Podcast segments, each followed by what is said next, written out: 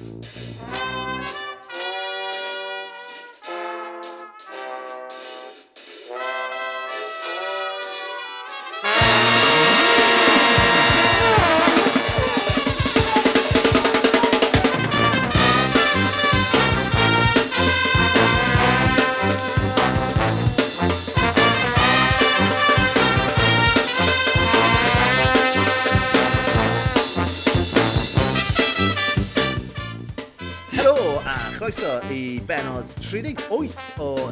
Ceilog, gyda fi Llywyd Owen. A fi, Lee Jones, lle byddwn ni'n rhoi'r sylw i'r pethau bach sy'n gwneud gwahaniaeth i ni yn ystod y cyfnod hollol honco hwn. O, oh, ie, yeah, wir. A fel arfer, i ni yn gofyn i chi ein lyflu, lyflu gwrandawyr, ein helpu ni i ledeini y gair, y gospel, according to Lisa's fel petai. Um, gallwch chi rannu, aildrydar, hoffi, tewa, ymgysylltu gyda ni ar y socials falle, pethau fel yna. Just, just standard, standard etiquette, ti'n gwybod. A dilyn wrth gwrs. Dilyn ni ar y trydar, uh, eh, at ysbeidiau heipod, a byddwn ni yn gwerthfawrogi ac yn caru chi am beth am wneud hynny. Dyn ni'n dod ar benod yma yn gynnar llwyd. Ydy'n glen. Does, does dim rhaid i, i bobl aros tan uh, y diwrnod arferol i glywed y benod yma, achos dyn ni'n gwneud rhywbeth eitha, wel, eitha cyfredol, eitha exciting yn y benod yma, ti'n meddwl? Oh, mae mor exciting, mae mor exciting. Well, ti'n gwybod bron... be dwi'n... Beth? Ti'n gwybod be dwi'n excited am? Y reswm dyn ni'n gwneud hwn yn gynnar yw yr un reswm, dyn ni'n mynd i cwrdd yn gilydd yeah. am y tro cyntaf wythnos nesaf. Yeah. Ni actually yn so, mynd i gwrdd. A ni'n mynd allan erbyn... ar, ar mandate bach yn dyn ein os fawr. Ydyn.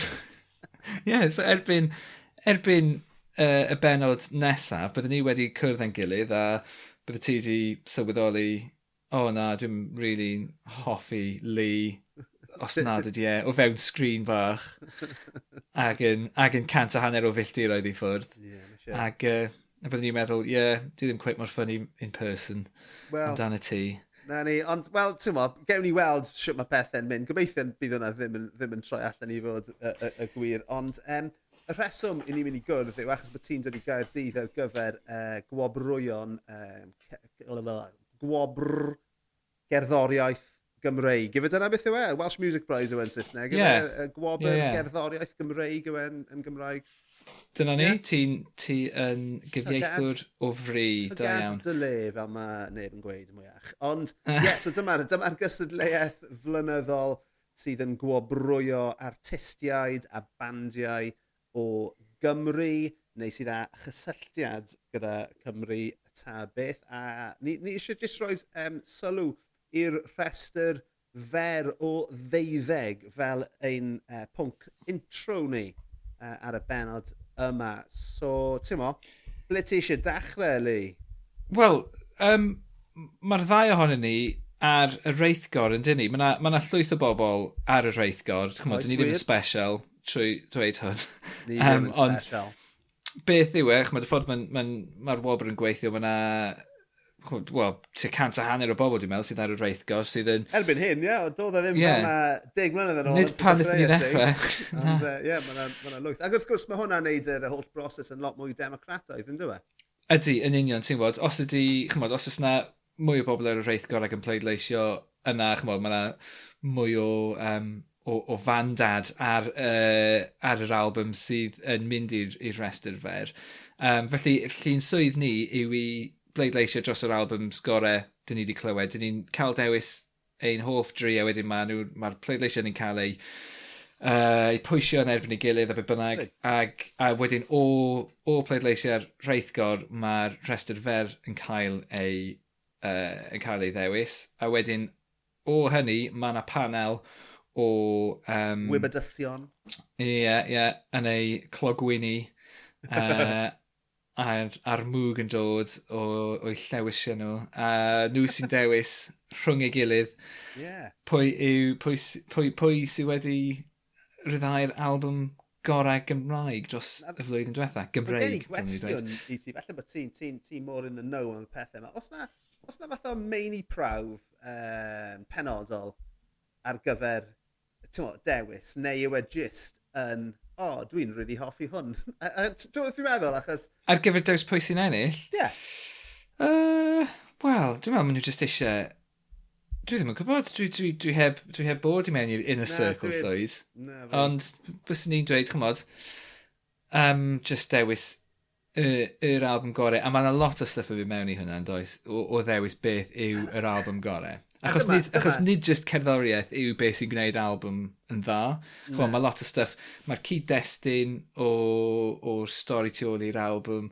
mae'r um, mae cyd-destun mae'n cael ei ryddhau mewn i, chymod, ydy'n rhywbeth eitha, eitha amserol sydd yn dweud lot am beth sy'n digwydd ar y pryd hynny, chymod, dys dim ots os di, os di, os di fi ddim yn gwneud synwyr mewn 20 mlynedd, ydy hi'n gwneud synwyr nawr, ydy hi'n bwysig nawr, os i e, wel, chymod, mae hynny'n yeah. uh, rhywbeth arall i, i chymod, ddweud bod hi'n album dda. Um, a ie, yeah, chymod, mae lot o bethau yn mynd mewn i beth sy'n gwneud album yn album dda yn does yna. Yeah. Lot I mwy mean, na just cerddoriaeth. Wyt ti wedi cytuno gyda pob penderfyniad yn y gorffennol? Um, achos, ti'n a, a fi'n fi bod bach, uh, bach wanker yn gofyn hynny wrth gwrs, achos y gwir yw, ynddo fel gyda unrhyw um, wobr, sy'n cael ei dewis gan bwyllgor, uh, na gyd yw e, safbwynt casgliadol deuddeg o bobl ar ddiwedd y dydd, right? Mm. Um, yn, yn bersonol, dwi wedi bod um, rhywun i ennill um, cysylltiad llyfr y flwyddyn. Um, dwi wedi colli ar ôl bod ar y, ar y rhestr fer hefyd, a y gwir yw'r unig reswm nes i ennill llyfr y flwyddyn yn 2007 yw achos bod dau allan o'r tri beirniad yn hoffi fy llyfr i and, that, and that's it. Ynddo fe? Ti'n mo? Ie. So, yeah, yeah. so ti'n mo, mae fe'n... Um, yeah, ma, ma, ma, ma fe'n... Lot, lot o ffactorau yn mynd mewn i, i dewis, a chymod, rhai pethau ydych chi'n gallu rheoli fel artist, rhai pethau ydych chi ddim, ond chymod, dyna'r natur o yeah. wobrwy o'n diwedd, ti'n modd, yeah. ar ddiwedd y dydd. So fi'n meddwl y peth, y peth gorau i wneud yw, yw just clatio bant a mynd trwy'r y, y, y rest y rest fer. A, a fi'n meddwl ddim, ddim i, ddim i'w bychanu nhw um, na dim byd, ond fi'n meddwl gallwn ni just raso trwy um, ffrindiau'r podlediad yma, uh, Griff Rhys a Carwyn Ellis. Um, Mae'r ddoi yn nhw, basically, bob tro maen nhw'n rhyddhau album maen nhw ar y rest o'r fer. A mae hwnna, yeah. ma hwnna, dwi'n hwnna ddim yn ordd ddweud. Fi'n meddwl bod um, mae Carwyn wedi bod yna unau fel Carwyn Ellis a Rio 18 Colorama, Colorama. neu hyd yn oed, oedd e fyna fel Zarelli hefyd. Um, fi'n meddwl bod wedi bod ar y restr fel chwech o weithiau. A mae ma Griff Rhys wedi bod, bod o leia chwech o weithiau gan ennill na, unwaith. Nath e ennill yr un gyntaf. Do, a, a dwi e ddim wedi ennill ers ni. Um, a tymo, so, so mae'r boes yma, um, mae'r ddau yn nhw wedi, wedi creu albums ffantastig. Fi'n fi meddwl yn enwedig um, gyda, gyda Mas, gyda Carwyn, Elis a Rio. Fi'n meddwl, fi'n meddwl hwnna yw, yw gwaith gorau Carwyn. Um, mm. Ac eto, hwn yn far personol, right? So, feel free to ignore. Ond, uh, ond dwi ddim, yn bersonol, dwi ddim yn meddwl taw Seeking New Gods yw album gorau Griff. Ond, dys dim otem hynny, achos mae'r ddoen nhw ar yr, ar yr, ar yr restr fer. Um, ond maen nhw, nhw hefyd yn, yn artistiaid sydd yn cael digon o sylw yn enwedig gan um, sylwebwyr Cymreig, iaith Gymraeg fel ti a fi. Mm -hmm. So, yeah. llong o farchiadau. Nawn ni weld chi nos bawb, boys. yeah, And, uh, same time next year. Yeah, yeah, same time next year. exactly. So, lle, lle yw ni nesaf e? Uh, Wel, ti, ti eisiau save the best till last neu be? Um, Wel, fi'n meddwl... Fi'n meddwl bod pawb yn gallu dyfalu pwy ti'n... Ffefryn ti. Pwy ti'n ffefryn i. Yeah. Off y restaurant yna. Ond, on, ti'n meddwl, gallwn ni jyst mynd trwy nhw um, uh, yn ôl yr wyddor falle, a gallwn ni ddechrau gyda Afro Cluster, um, album o'r enw The Reach. Um, a oedd The Reach gan Afro Cluster yn absolute banger o album chwarae teg. Um, mae, mae, so mae be, funk, be dyd... Wel, mae, ma nhw'n ma nhw gasgliad um, fi'n meddwl bod yna naw neu deg o'n nhw yn y band, maen nhw'n chwarae fel live funk, acid jazz, hip-hop. Mae'n ma n, ma, ma real album eh, uh, mo, party. Mae gyda nhw, eh, uh, mae gyda nhw MC uh, eh, yn rapper. Mae hefyd gyda nhw, um, mae Tai, ti'n gwybod y rap y Tai, nath farw o, o coronavirus. Oh, Um, oh, yeah. Mis Ebrill, so nath, nath nath rapper, nath, nath nath ei gael ei enwebu am y Mercury nôl, um, wel, tua deg mlynedd yn ôl nawr. Um, rapper amazing o, o Llundain, a nath e, nath e farw o, o coronavirus yn mis Ebrill. Ond mae fe yn, uh, yn, yn westau ar yr album yma, a mae'n mae throwback i'r i'r 90au, ond mewn ffordd dda. Um, a dwi'n dwi dwi, stuck yn y 90au, so oedd hon yn, oedd hon really, really di wneud argraff arna, arna i. Um, album positif iawn, album, ti'n ma, llawn party tunes, absolute banger, chwarae tig. So, yeah. Good stuff. Yeah, nice. Well worth checking out. Os ma hwnna'n, os ych chi'n hoffi eich hip-hop chi ar y, ar, y, ar yr ochr mwy funky o'r spectrum, uh, definitely yn werth cael pip ar honna. Um, nesaf ar y restr mae The Anchoress. Nawr, wyt ti'n gwybod unrhyw beth am yr Anchoress? Wel, nath i gael ei uh, enwebu am y wobr be pum mlynedd yn ôl? falle? ei album cyntaf, sa'n cofio enw fel, ie, ti'n hollol iawn. So dyma'r um, ailwaith iddi hi. Ie, yeah. felly o'n i'n eitha sicr y flwyddyn gyntaf nath i cael ei enwebu, o'n i'n meddwl oedd ganddi hi good chance o ennill. Uh, 2016 oedd hynny. Um, ond uh, Meilir Jones dath oh, i'r frig y flwyddyn hynny. Yeah, we... Yeah. yeah. So, ti'n gwybod, uh, yeah, ti'n gwybod, just, just album mail i'r pryd hynny, obviously, yn just well, rhagorol yn doedd, felly... Oedd wir. Uh, le, mae fe nawr? Le mae fe nawr, Lee? le mae fe? Working well, on that difficult second album, is it? Wel, gobeithio. yeah, gobeithio'n wir, cos oedd yna'n absolute peach. Ond ie, yeah, so The Art of Losing yw enw album yr Anchoress. A mae'r Anchoress, ti'n cofio, ti'n gwybod enw, uh, uh, enw iawn o'r album? Uh, Cath Catherine, ydy? Ddim yn cofio enw. Ond anyway, mae hi'n, hi sy'n chwarae'r holl offer yna ar yr album yma. Um, ag, ag wrth gwrs yn canu. Mae ma fe'n ma fe rhyw fel, rhyw fath o art rock. Um, Mae'r mae, mae llais sy'n atgoffa fi o Kate Bush. Mae fe'n ma fe eitha emosiynol, mae fe'n eitha sincere o, o, o record. E, mae llais absolutely hyfryd gyda'i, a mae, a mae gyda hi uh, cwpl o westeion nodedig hefyd gyda James Dean Bradfield yn ei plith.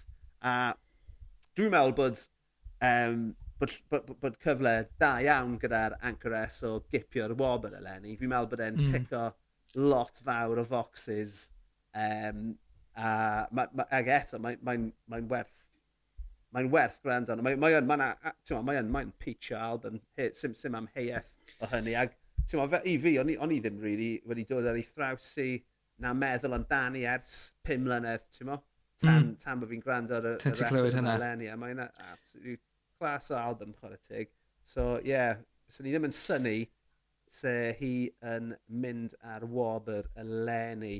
Um, gan symud ymlaen, a nes i weld rhywbeth yn cael ei, um, i ddatgan ar Twitter heno am datblygu. Nawr mae'n datblygu ar y rhestr fer gyda'i album uh, nhw Cwm Gwagle. Ond el, y heno, mae wedi cael ei um, ddatgan bod nhw wedi ennill... Uh, be maen nhw wedi ennill, Lee? Uh, oh, shit. Dwi wedi colli... Wedi ennill uh, gwobr ysbrydoliaeth cerddoriaeth Cymreig yn dyn nhw. Um, so, mae'r ma ffaith bod nhw'n ennill yna, probably meddwl bod nhw ddim yn mynd i ennill y brif wobr. Ie. Um, yeah. Beth wyt ti'n meddwl o cwm gwagle fel swan song datblygu o, o styried bod Dave um, wedi yn gadael ni uh, roi misoedd yn ôl nawr? Wel, ti'n bod, oedd yn teimlo fel... Um, o'n i'n really, really caru uh, por o'r trallod. Um, ac, a dwi'n meddwl oedd Cwm Gwagle, chymod, yn, yn chymod, eitha tebyg. Um, Gallu ti weid na am rhan fwyaf o albums, Stedler. Na, ond on, ti'n gwybod, ond oedd e fel, chymod, oedd e fel continuation o, yeah. ohono fe. Oedd e fel, chymod, ydych chi'n gallu edrych ar y ddwy album yna fel um, gweithiau, yeah, kind of, pieces, fel yeah. bod nhw'n, ie, yeah, nhw, yeah, companion pieces yn yeah. union. A maen nhw'n sefyll ar ben eu hunain o'r gwaith cynhara, chymod, fel uh, pist a be bynnag. Chymod, yeah. ma, ma nhw'n sefyll ar ei hunan fel, fel un gwaith fel petai. Um, Dwi'n iawn i fel bod yna rhywbeth fel 20 mlynedd rhwng yr albums. Ie. Yeah.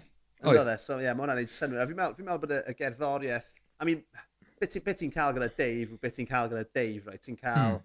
gwirionedd, ti'n cael, ti'n bod, um, ti'n ti, ti cael lot o fath o angerdd a, hmm. ti'n Um, ond gyda, fi'n meddwl bod y gerddoriaeth ar, ar cwm gwagle uh, wedi datblygu ac yn lot gwell na beth oedd e ar ei mm. albums cynhara nhw. Ie, yeah, Ben Dant, Ben Dant. Fel, fel rhywun sydd yn, fi'n fi, fi, fi, fi parchu um, beth mae datblygu yn sefyll dros o, be maen nhw wedi wneud, ond Christ man, anamal iawn fi'n meddwl, ww, ti'n gwybod beth Dwi'n meddwl, na i rando bach o datblygu. Na i roi datblygu mlaen nawr. Ond ie.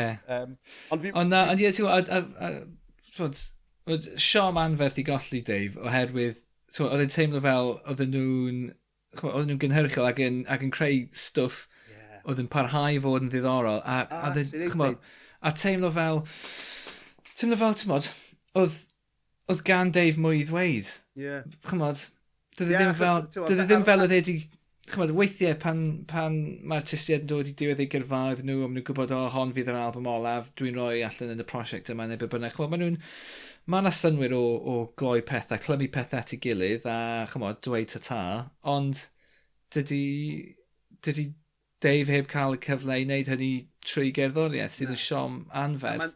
Oedd e'n teimlo fel ar ôl tua be bynnag oedd e 20 mlynedd o, o, o, o ddiffyg cynhyrchu. Salwch, chymod. Ie, yeah, o'n nhw'n nôl ac oedd yna fwy i ddod, ond um, pwy o oer, falle, falle bydd, uh, bydd sentimentaliaeth yn chwarae rhan yn y penderfyniad. Pwy o, pwy o oer, man, pwy o oer. Um, mae hwnna'n dod yn ni mlaen at uh, Peace Melin. Ti di mm -hmm. rando ar Peace Melin? Nes i, nes i ddod ar draws Peace Melin am y tro cynta um, pan o ni allan ar daith gyda'r odds yn um, ar daith iaith y nefoedd. A nath Pys Melin um, gefnogi'r odds yng Nghaernarfon. A o'n i, mm. on i byth wedi clywed am Pys Melin. Uh, e, e, yn wir, o'n nhw heb ryddhau lot mwy na ma, cwpl o gyneuon ar SoundCloud ar y pryd.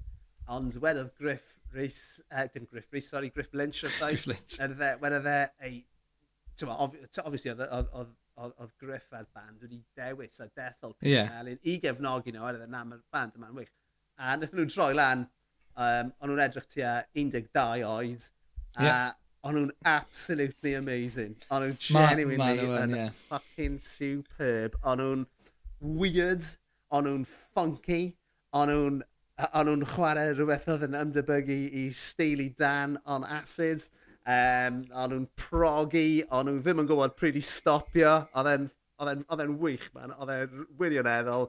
Nethon nhw agor yn llygoed i, a mae ma album cyntaf nhw, sef Bywyd Llonydd, just yn superb. Mm. Um, fi'n gwybod, fi gwybod bod ti'n caru, achos fi'n gwybod bod ti'n caru Steely Dan. Na, maen nhw'n, chmo, maen nhw'n, maen nhw'n wych. A chmo, y ffaith bod nhw ar y, y rest fer, mae llwyr heiddiannol, achos yeah. maen nhw'n, um, maen nhw'n gwneud cerddoriaeth diddorol. Yeah. A, ti'n bod, um, a nid just bod e'n ddiddorol. Mae'n eitha hygyrch uh, hefyd. Ond ie, ond... Mae nhw'n... Mae nhw'n mynd daith, reit? Na na fel fi'n teimlo, gyda'i album nhw, gyda, gyda bywyd llonydd, chi'n teimlo, mae'n really'n teimlo fel bod nhw'n mynd ar daith, a maen nhw'n mynd trwy, maen nhw'n ma nhw, ma nhw genre hopping, mm. ond, ond dyw e ddim yn teimlo fel bod e allan o le o gwbl. Na. Mae gyd yn... Mae gyd yn... Mae gyd yn... Ie, mae'n bodoli... Fel pis melin.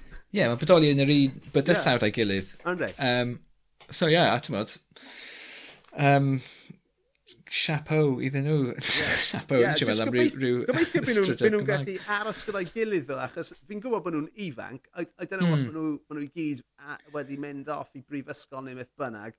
Ond well, sort of yr oedran yna Mae ma Ceiri, Ceiri di'r kind of prif gau, oedd e mewn band yn yr ysgol oedd di cael rhyw fath o sylw, chwbod, falle wnaethon nhw ennill brwydyr y band neu rhywbeth. Yeah. A felly, a hwn yw, chwbod, Pys Melin, chwbod, fe di'r gau fath o beth. So, so dwi'n meddwl, mor belled am y Ceiri o gwmpas, bydd Pys Melin o gwmpas yeah, yeah, yeah. i ryw raddau. Um, yeah, mae'r ma madarch yn amlwg yn gryf iawn ym ymhen llun Mm-hmm. am y peth. Uh, that's superb. Absolutely carrying nhw. Um, El Gudo. El, yeah. El Bado. uh, Dwi'n hoffi record yma achos um, mae'n eitha... Dych chi ddim really yn clywed y fath o gerddoriaeth yma yn cael ei gyflawni'n dda os nad ydy e gan, chymod, rhyw cerddorion amazing o America. Um, felly, ti'n gwybod, maen nhw'n... Chymod, ma, chymod, they pull it off somehow. Ac, chymod, achos mae yna... Mae yna ffordd o, o greu'r cerddoriaeth yn yr arddull yma. Chymod, mae'n eitha cinemataidd yn diwy. Cinemataidd? Ie. Yeah, Cinematig? Ie, yeah, dyna ni. Derbyn, um, mae'r ddau'n dderbyniol. Ie. Diolch, Mr Llwyd. Yn ôl. Uh, Mr Owen. Um, Mr Llwyd. Ie, yeah, so ie, yeah, mae hwnna, uh, so, yeah. Goodw. Um, yn fy nodiadau, dwi wedi ysgrifennu Americana, country, mm -hmm. middle of the road, psych. Ie, yeah, so, fel, fel kind of Scott Walker-y, kind of... Nath e ddim, oedd e ddim, nath e, i fod yn onest, off, off y restr y fer i gyd, oedd e ddim, oedd e ddim yn gafel yn fi, gotta be hmm. honest. Mm. Um, I don't know, just... Ond eto, hei, ni'n siarad am chwaith personol fan hyn, pwy a ffocin yeah. oer beth bydd yn digwydd, ond mo, o ran y cynhyrchu a ansawdd y peth, yn superb, a mae'r ffaith bod nhw'n dod o resolfen yn neud i fi caru nhw hyd yn oed mwy. Right then, ni'n dod wedyn at... A ti'n gwybod be, fi'n mynd i... Fi mynd i mae ma, ma Mace the Great yn artist grime slash hip-hop um, mhm. mm -hmm. sydd wedi cynhyrchu uh, album really da. Um, Ti'n cofio'r album yma? Ydw, wel, oedd, um, oedd Mace the Great ar benod o Curadur. Um, felly, ah! yn, y gyfres, yn y gyfres diwetha, yeah. penod Lemfrec, oedd Mace the Great yn hwnna, a dwi'n meddwl fe oedd Seren y benod hynny. Ti'n hollol iawn, ti'n gofio hwnna, ti'n hollol iawn. Ie. Um, yeah. So fe'n rapio o, chymod, o'r siop gornel. Ie, yeah, man, hwnna... O'n i'n... Y fideo yna'n rhagorol, so ie, yeah, big yeah, fan. Caru'r ffaith bod yr, um, bod yr album yma ar y restr fer, heb actually caru'r album cymaint. I mean, dwi'n dwi yn uh, gogwyddo tuag at um, hip-hop, mwy jazzy, mwy funky, uh, lle mae ma Mace the Great wedi cynhyrchu album eitha groimi a caled. Mm -hmm. um, ond mae'r ffaith bod e hyd yn oed fyna, a mae hwn yn mynd nôl i'r ffaith bod y rheithgor wedi ehangu cymaint. Right? Mae hwn, yn ma hwn yn fath yeah. o album bys e jyst ddim wedi cyrraedd uh, y, y rhestr fer. Hyd yn oed pum mlynedd yn ôl, right? Na, na. So, man, a ti'n mo, ar ôl, ar ôl llwyddiant deia uh, llynedd, e, mm. uh, pwy a oer man, ond ie, uh, yeah, Wel ie, yeah. a dyna'r dyna, dyna thing, ti'n sôn am, am cael yr amrywiaeth yna o, o bethau, dyna un o'r pethau dwi'n bang ymlaen amdani yn fforwm bach o reithgor o hyd i'w, chymod, just, dis, chymod, eisiau disgleirio golau ar pethau eraill a chymod, pwynt, pwynt y rest yeah. fer, really, yw i ddangos faint o amrywiaeth o, o gerddoriaeth sy'n cael ei gynhyrchu gan pobl, pobl Gymreig neu yng Nghymru a chymod, a pa mor dda ydy'r pobl yma, pa, pa bynnag genre maen nhw'n creu y cerddoriaeth nhw mewn. Felly, yeah. felly ie, yeah, chymod, um, llwyr heidd i bod ar y restr, a, a yeah, album, album ag artist great, so ie. yeah. Cyn bod fi'n dod at fy ffefrynnau, fi just, fi'n mynd i, fi mynd i plonco dau artist, uh, neu dau fand mewn gyda'i gilydd, uh, Novo Amor a Private World. Um, oh, Ti'n ma be, o, o, dau, dau album sydd gyda lot yn gyffredin. Maen nhw'n fel 80s electro-pop gyda lleisiau hyfryd. Um, ond, oh, ond just, just, boring as fuck, man. Y ddau, ddau album yn neud. Ac eto, ti'n gwybod, mae rhaid fi eisiau pwysleisio, ti'n gwybod, chwaith personol hwn i gyd. Just yn neud dim byd i fi, a I don't know, man, o'n i'n just yn teimlo falle. I mean, ti'n siarad gweld nodiadau ar un pwy un o'n nhw diflas ar un oh. arall yn blan shit. yeah, so mae ma gwrandawyr ni'n gallu gwrando ar y ddau album a uh, penderfynu rhwng ei gilydd pa'n oh, sy'n ddiflas a pa'n sy'n blan shit. Ond ti'n fi just, fi just, mae'n anodd uh, cofio pwy oedd ar y, ti'n y rhestr hir o fandia. I mean, fucking hell, mae rhoi bod y manix oedd yn gymwys i'r mm -hmm. Wobr. Mae'n rhaid bod nhw'n eitha gutted bod i album nhw ddim ar y rest yn fer am sy'n dau album mor fucking boring yn rhaid arno fe. Ond uh, there we are, dyna. Ond dyna, hey, that's democracy, man. so, ti'n mo? Bysa nhw'n hapus gyda hynny achos bod nhw'n fans mawr o ddemocratiaeth yn dyn nhw. So, um, yeah, right, yeah. Dod well, at, moving on. At y, at y ddau artist olaf a fy ffefrynnau i ar, ar y rhestr um, yn bersonol. A just eto, chwaith personol. Um, so, Kerry Lee Owens, right, fi di siafu dewis Kerry Lee fel un o'r pethau sy'n neud fi'n hapus yn y byd yma. Right? So, so just dim syndod bod fi'n fi, fi, fi, credu taw un y song dylse ennill eleni a fi'n credu taw un y song sydd yn mynd i ennill eleni. Mae, ma, ma, ma Kelly Lee wedi mynd a'i cherddoriaeth hi uh, round y byd a, mm -hmm. a, a, a gyda, gan gynnwys traciau um, track fel, um, oh, sa'n cofio beth yw enw'r bloody track nawr fi'n gweud, e, ond y track gyda John Cale a Michael Sheen, uh, tymo, sydd, sydd gyda um, lyrics Cymraeg dechrau yn y gogledd gan uh, John Cale. Tymo, mae, mae, mae really wedi mynd a'ch, a'ch, a'ch Cymru a'i chymreigdod hi gyda hi rownd y byd. Mm. Dwi ddim, dwi, she's no flag-waving Welshie, ond mae'n no. sicr wedi mynd a, a, a tipyn, a just, just cornel bach o Gymru gyda hi. Um, mm. Mae'n mae, mae teithio'r byd, mae'n mae chwarae yn Australia, mae'n chwarae yn Japan, mae'n chwarae yn, yn America, mae'n chwarae yeah. yn Ewrop, mae'n mae mynd a, a touch bach. A ti'n gwybod taw y gan gyda John Cale yn canu ar fe yw probably centrepiece mm. uh, ei setting. Achos yeah. mae mor iconic a mae'r llais yna, mae fe fel, mae fe fel bod y mynyddoedd yn siarad trwy John Cale. Mm. Mae'n absolutely me. A fi, fi actually mynd i weld Kelly Lee yn chwarae yn fyw um, nos iau a i ddweud bod fi'n excited, mae hwnna, uh, ti'n ma, uh, uh, understatement llwyr, cos fi yn, uh, oh, mae gen i uh, semi Mae'n mynd i fod lot, lot, lot, lot o ddynion yn y gynulleidfa, yr un oedran a ti, uh, gwisgo'r yeah. un peth a ti. Yeah. Dyna beth. Yeah. Tracksuit top a chinos, baby. OK, so yeah, Kelly Lee, hi sy'n mynd i ennill.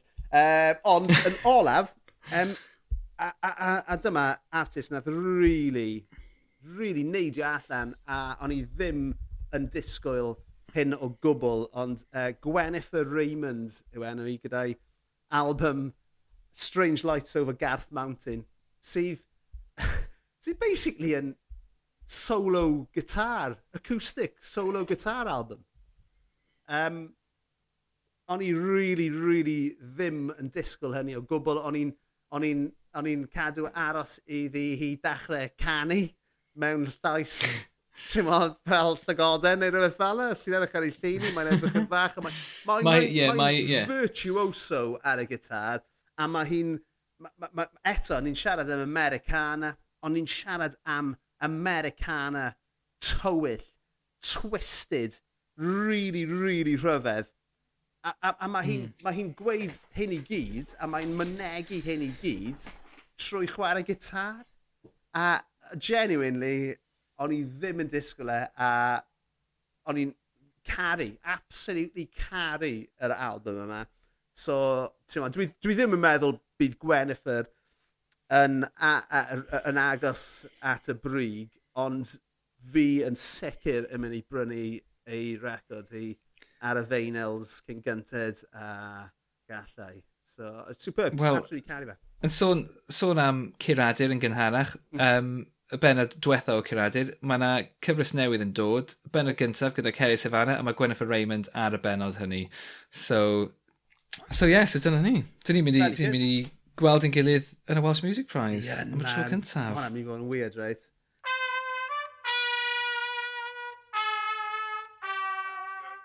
Ar wahân i uh, gwrando ar llwyth o gerddoriaeth hyfryd o Gymru, le beth, beth, beth, beth ar i wedi bod yn neud ti'n uh, hapus yr wythnos hon?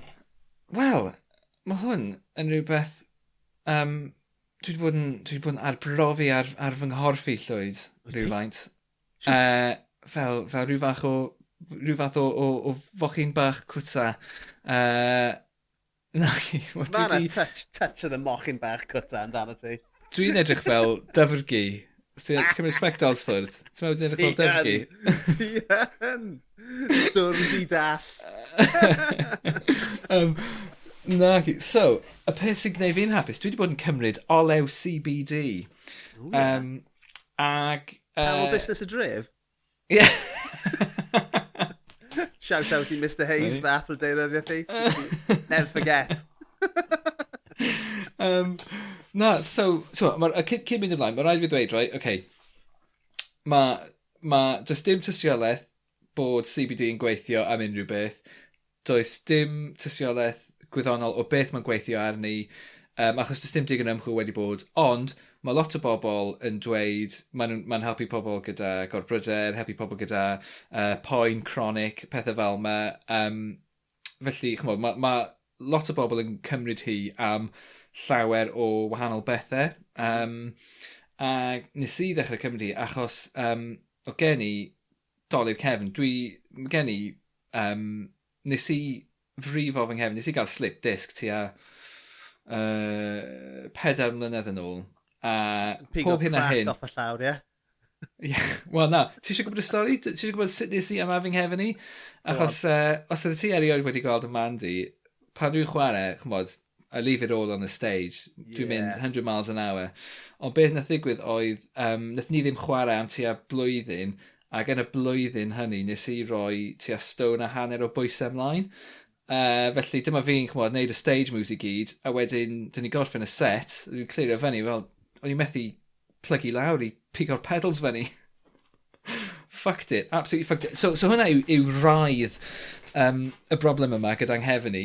Um, a bob hyn a hyn, um, mae jyst yn, chymod, jyst yn gallu teimlo, o oh, right, mae hwnna'n gwasgu ar y nerves a dwi'n cael sciatica a just poen arithrol yn, yn wylod yng nghefn i. A mae hwnna, chymod, mae cael, mae cael plentyn, di hwnna ddim yn helpu o gwbl achos ydych chi'n plygu drosodd i newid clytiau pigo'r plentyn i fyny, a beth sy'n digwydd yw, mae'ch coch chi, obviously mae'n ma, cael ei um, hyfforddi i, i gryfhau, ond mae'r plentyn dych chi'n used i, i pigo fyny, maen nhw wastad yn tyfu, so, chymod, dych chi wastad yn brif o'ch cefn chi, oherwydd dych chi wastad yn pigo rhywbeth fyny sy'n tipyn bach yn rhy drwm na dych chi'n used i. So dwi wedi cael problemau fy nghefn i ers oesoedd, a wedyn um, ges i, ges i problemau arall dros yr haf, wel, tua diwedd yr haf, really, um, a just sciatica a poen ges i fel just, just llwyth o boen yn, yn yng i ac yn ynghoesau. Um, felly nes i gwneud lot o ymchwil i weld pa, pa gryfder a chymod beth yn i eisiau. So ges i, dwi'n cael y stuff yma. Mae'n ma dweud mae'n peppermint flavour. Dyw e ddim yn peppermint flavour. Ond mae'n rhyw blas o dan ni. Well, yeah, yeah, I demand a refund. Um, ond na, ond siwod, dwi'n dwi eitha... Um, dwi wedi dod i, i, i adnabod y blas yma nawr. Dwi'n gwybod beth mae blasu fel ond, ti'n gwybod, mae yna reit. So, ie, yeah, so beth ti'n gwneud yw, just pipet, pipet, dan, dan uh, ar, ar weilod uh, fy nhafod, cyn mynd i wely bob nos. A beth sy'n digwydd yw, mae ma nghefn i llwyth yn well. Um, chod, just gen i ddim poen yn nghefn i dim mwy. Mae yna, chymod, dwi'n gen stretcho tipyn bach, pob hyn a hyn, ond di ddim hanner gwa, mor gwael ag oedd i. Um, mae fy, fy mood yn gyffredinol, just teimlo lot o scam. Mae ma, ma Naomi yn dweud, chymod, you just seem like lighter. Chymod, just ym mhob, ym mhob ystyr. Um, Wel, nid, nid pan mae'n edrych ar fy mol. Ie, yeah, yn union. Ond, ond ond, mae yna, chymod, dweud y cafiat o'r blaen, does yna ddim tystiolaeth gwyddonol i gefnogi'r pethau yma. A, chymod, e, e, ar yr un pryd, dwi wedi cael swydd newydd hefyd, a mae hynny wedi, yn amlwg, gwneud gwahaniaeth i sut dwi'n teimlo. Um, ond dwi wedi bod yn cysgu lot yn well. Dwi wedi bod yn cysgu yn lot ddyfnach. Chymod, dwi'n... Achos, apparently, pan o'n i'n cysgu o'r blaen, i'n twitio, fidget a lot. A chymod, o hynna, achos... Oedd gen i restless legs hefyd, achos y poen yn, yn nghefn i. Ac achos mae hynny wedi mynd, dwi'n cysgu lot yn well. Dwi'n deffro'n y bore ac yn teimlo yn refreshed. Um, A felly ie, yeah, mae di just bod yn, yn, yn just yn dda, really. Um, a ie, yeah, fel dwi'n dweud, just dim... Dwi'n dwi, eitha sceptical am pethau fel arfer, a just dim tystiolaeth gwyddonol i gefnogi hwn, ond mae pethau wedi gwella i fi yn gorfforol ac yn feddyliol ers i fi ddechrau cymryd uh, olew CBD bob diwrnod. Felly, felly dwi'n mynd i cario ymlaen cymryd olew CBD unwaith y diwrnod. Wel, fel, fel rhywun sydd hefyd wedi stryglo gyda Kevin Tost, I mean, nôl yn 2005, nes i gael tri prolapsed um, beth ti'n gael o? Discs. Uh, discs, ie. Yeah. Sorry, ni wedi anghofio, eithaf blank, ddod yna. Yeah, tri prolapse disc yn gweilod yng nghefn i, yn yn lumbar i, a wedi gorfod cael um, llawdriniaeth reit ddifrifol i sort o hwnna allan. Ond, uh, ti'n mo, yn wahanol i ti a dy CBD, I mean, fi'n, ti'n mo, o, o brofiad personol, y poen laddwr gore heb am heieth yw THC. A, ti'n mo, mae hwnna'n rhywbeth dwi'n uh, dwi credu. Yn dyma, mae hwnna'n helpu fi yn gorfforol. Mae'n helpu fi'n emosiynol mae fe'n helpu fi yn greadigol. Ond uh, ti'n modd, dyma'r peth, mae eisiau i bawb ffeindio ei ffordd a beth sy'n gweithio iddyn nhw. A ti'n well, mae'n... Uh... Tro diwetha i fi bod ni'n rhywle agos i THC, dwi wedi bod yn uh, chwydu ac yn syrthio i gysgu, so... Ie, wel, dwi'n rili e ddim yn un iawn i ti, yma, e, man? Da beth fi'n gweud, mae eisiau ni ffeindio'n llwybrau, man. Ie. Ffeindio'n llwybrau at rhyw fath o gyd bwysedd um, yn ein bywydau. Achos dyna, yeah. dyna beth i ni'n neud, right? ar, ar, ar, um, ar y podlediad yma, dyma un fath o raison d'etre ni oedd i siarad am, y, am, yr, um, am, ein, am ein iechyd meddwl ni, ti'n modd, a, a ti'n modd, dwi'n dwi'n dwi a, a ti wedi yn, yn, yn, yn edrych i, i ffeindio ffyrdd a mae, a mae gen i ffrindiau agos sydd yn cymryd CBD ac sydd yn credu i'r carn bod e'n helpu nhw. A a mae rhain yn bobl mo, sydd, sydd ddim gyda unrhyw fath o um, hanes o ddablo os daw dyna'r gair. Ti'n gwybod fi'n meddwl? Ma, achos... Treiglad, ie, ie. Ie, achos dyma'r thing, dwi e ddim, dwi e ddim yn... Um, dwi ddim, e na, dwi ddim yn newid. Dwi ddim yn gyffur, a dwi ddim yn, chymod, chymod, mae'n ma um, ma dod o'r un plan, wel, chymod, mae'n dod o'r un plan hygyn, a cannabis, ond, chymod, Mae'n odd, mae'n, chmod, ie, yeah, mae'n odd, wel, chmod, just y ddadl am, am pa mor gyfreithlon i cannabis, chmod, mae'n yn, dyn ni'n well, mynd i... Well, tell you what, mate, mae'n gyfreithlon TV. oh, ja, Rastafari. O'n i'n anafod cwpl o bobl, uh, ti'n ti, ti, ti, ti gyfarwydd y pentref bod ffari? Yn, uh, Ydw? Dwi'n gwybod bod fan yna. O'n i'n nabod grŵp o boes oedd yn oedd yn dod o, o fod fari ac oedd yn licor lico gwyrdd a o'n nhw'n cael e'n bod farau. God, I love it. God, I love it. Oh, God. Ie, yeah, yeah, fe'n mynd trwy bod fari bob bore i fynd i ysgol.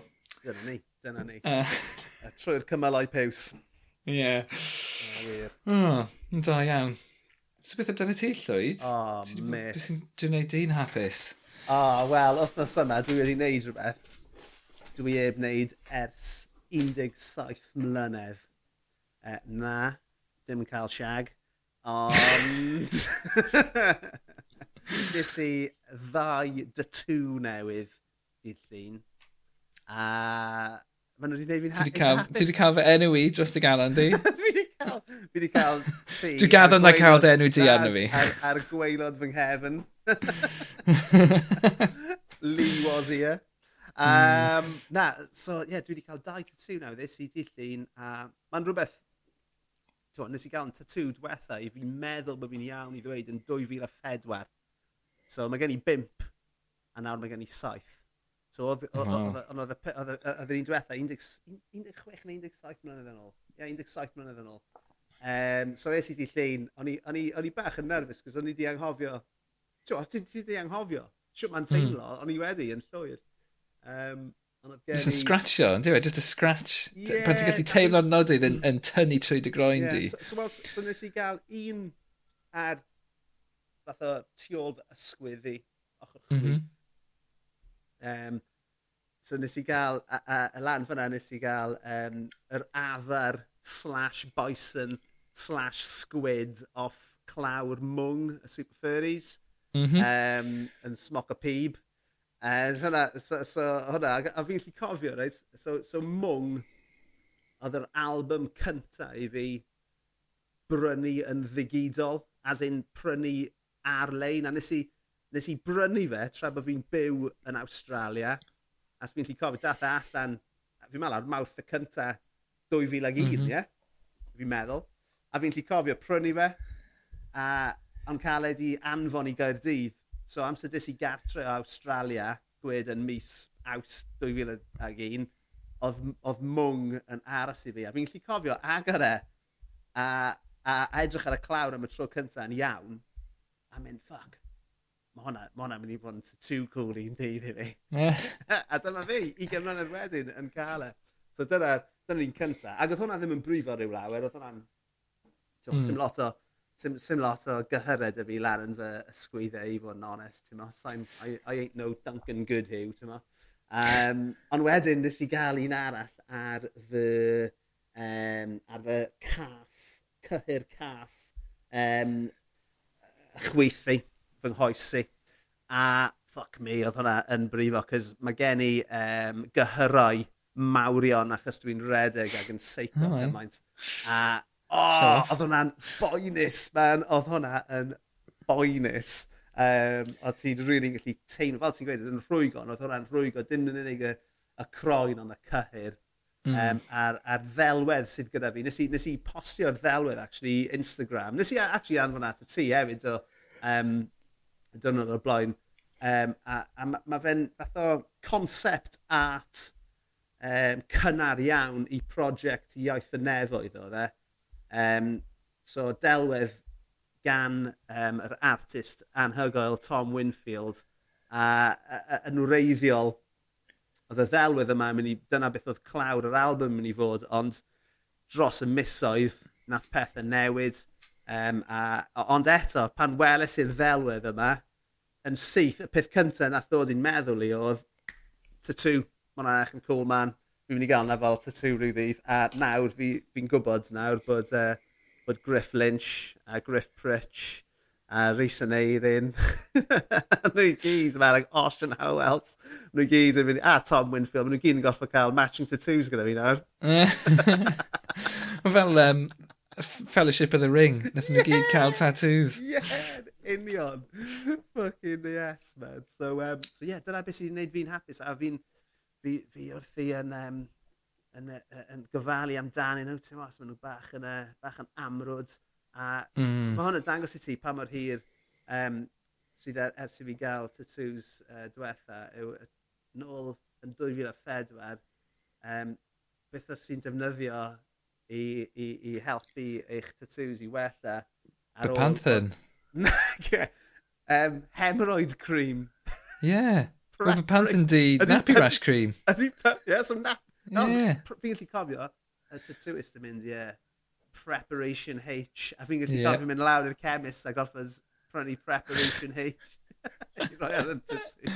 Ond nawr... Hwna fel, hwna fel anfon Prentice i gael long weights neu, ti'n modd, skirting ladder. Dyna beth oedd e wedi wneud i ti yma, fan, de.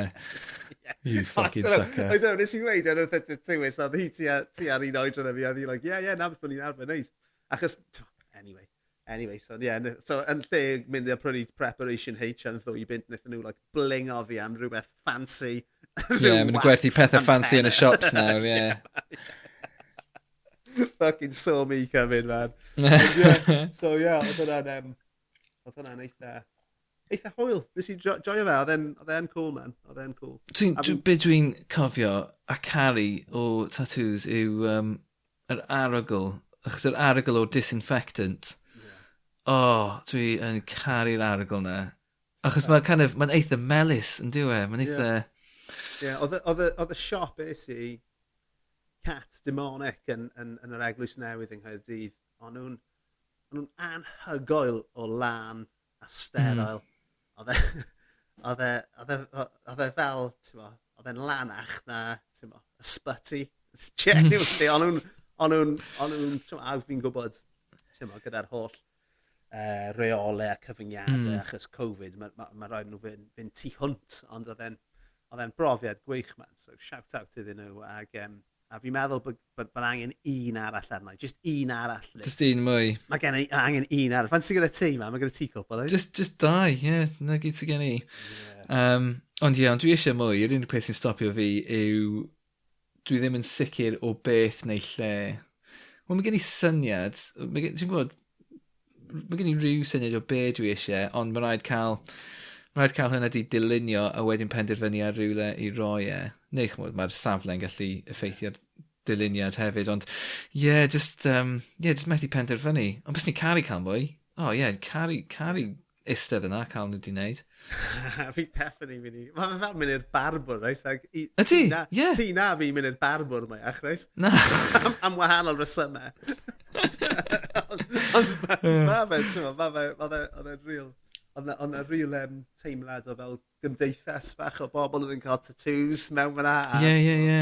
A'r gweithwyr a pawb, pawb yn dangos diddordeb. Yn really diddori yna, achos mae ma, ma, ma, ma stori tu ôl i pob tattoo yn does? Oes. So, ma, a mae yna reswm bod pobl yn dewis y pethau yma. So, pawb yn rhannu stories a shit, man. Mm. Yna'n grit, man. Yna'n e really yn. So, um, yeah, mae angen un arall yna. Just un. Ti'n teimlo dy hun pan ti'n istedd yna yn y gadair? Ti'n teimlo dy hun yn kind of, fyfyrio rhywfaint? Um, o'n i'n... Gyda'r gyda, un ar y ysgwyddi, fel o'n i'n gweud, oedd e, e ddim yn boen. Achos ti'n ti, yeah, ti gallu gweld, ti'n ti'n wyneb i e- lawr. Oedd gen i, oedd y tattooist, um, merch nhw Maya, oedd hi'n chat iawn. So dim lot o gyfer dy fi i fyfyrio achos oedd hi'n hi really chatty. Um, ond wedyn gyda'r un ar yn hoesi, oedd e'n brifo, oedd e'n really yn, ti'n oedd e'n brifo. Mm. So oedd rhaid i fi just fath o, ti'n mo, grindo fy nana fi uh, trwyddo fe. So, so dim lot o gyfle i fyfyrio ar wahân i myfyrio ar faint mor boenus oedd e. Uh, Dwi'n yeah. canolbwyntio ar y nodwydd yn rhwygo yeah, dy goes di. Ond uh, dyna ni, ond ie, yeah, so mae hwnna definitely wedi gwneud fi'n hapus o'r yma, man. Um, a ie, yeah, fel ni'n gweud, mae yna... Yr endorphins i gyd. Just un arall. Ti'n gwybod beth ti'n mynd i gael ta? Dim eto, man, ond fi'n gwybod bydd e'n rhywbeth cenedlaetholgar. yes, that's the way it's going, man. oh, God. Yeah, you I mean, racist. Mae ma gymaint, mae. I mean, dyna'r peth, right? fel o'n i'n gweud, amser fi'n gweld, fi, fi gweld um, delweddau, a, fi, a, a ti'n gallu gweud os maen nhw'n mynd, nhw mynd i fod yn mm. rhoi da, so fi'n fi gweld pethau trwy'r amser. Mae yna ma, ma, ma rhywbeth am ddylunio un eich hunan hefyd sydd yn apelio i fi. Um, yn enwedig os oedd jyst un arall fi'n mynd i gael, falle fi'n rhaid i yeah. ddylunio rhywbeth. Um, ti'n dda am dynnu llun? Neu... so, so ti'n mynd i gael tattoo shit, na. just achos ti eisiau dylunio fe dy hun? Na, na, byddai'n byddai cael ffrind sydd yn artist i fath o ddod â fy, fy ngweledigaeth i yn fyw. So wneud i wneud y, y, kind of y fras? Ie, ie. Ie, OK. Ie. Ah, so yeah, that's it man. So, um, yeah. Byddai'n so ti wedi cael midlife crisis? Um, ba bach o, bach o midlife crisis, ond hei, mae'n ffain. Mae'n hollol iawn cael midlife crisis, achos dwi yng nghanol oed. Mae'n dderbyniol. A ti'n mae'n hollol iawn. Dim problem. Ond ie, yeah, Carry line dweud hynna. So, so, so o'n i, on i gartre dyn nhw'n o'r blaen, a o'n i jyst wedi dod allan o'r gawr, o dim ond Elian fy merchennau oedd gartre, a o'n i methu ymestyn dros fy ysgwydd i roed yr uh, y preparation H ar fy tattooing. So o'n i like, oh, o'n i really ddim eisiau gofyn i Elian, cos dyw e ddim yn neis iawn, ond yn y diwedd o'n i like, mae rhaid i fi ofyn i Els, os o'n i eisiau gwisgo, right? so o'n i like, Els, a dyma, dyma Els, ti'n lli roi hwn just arno fe? A dyma, dyma just, o'n i just yn gallu clywed hi'n tyto. Like, ni'n mynd, beth sy'n pos? A dyma'n mynd, oh, mae e just more ugly, dad. Ac o'n i like, cool, paid byth cael tattoo, Els.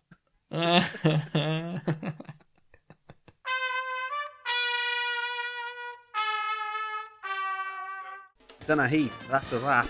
uh, byddai'n gweld ti mewn cwpl o ddyddiau, so mae hwnna'n exciting. Uh, yn y cyfamser... Ni'n gael smooch, smooch bach. Smoochy moochies. Uh, yn y cyfamser, um, ein gwrandawyr hyfryd, rhanwch, tanysgrifiwch, dilynwch, wankiwch. O, oh, geiriau da. Ie. Yeah. geiriau um, i, fe, i fyw wrthyn nhw. Byddwn ni nôl mewn wythnos a hanner yn y slot Byddwn arferol gyda Byddwn, yeah. gwestau arbennig. O oh, ie, yeah, un arbennig iawn. O, oh, dwi hefyd, methu aros. Dwi'n really excited am hwn. Rhywun sydd oh. gyda ceg mwy budur na fe i ni. Eh, Wel, ti'n gwybod, mae cymryd lot yn diwedd, so yeah, methu aros. Yeah, baby. OK, wel tan hynny, Llywyd. Ta-ra.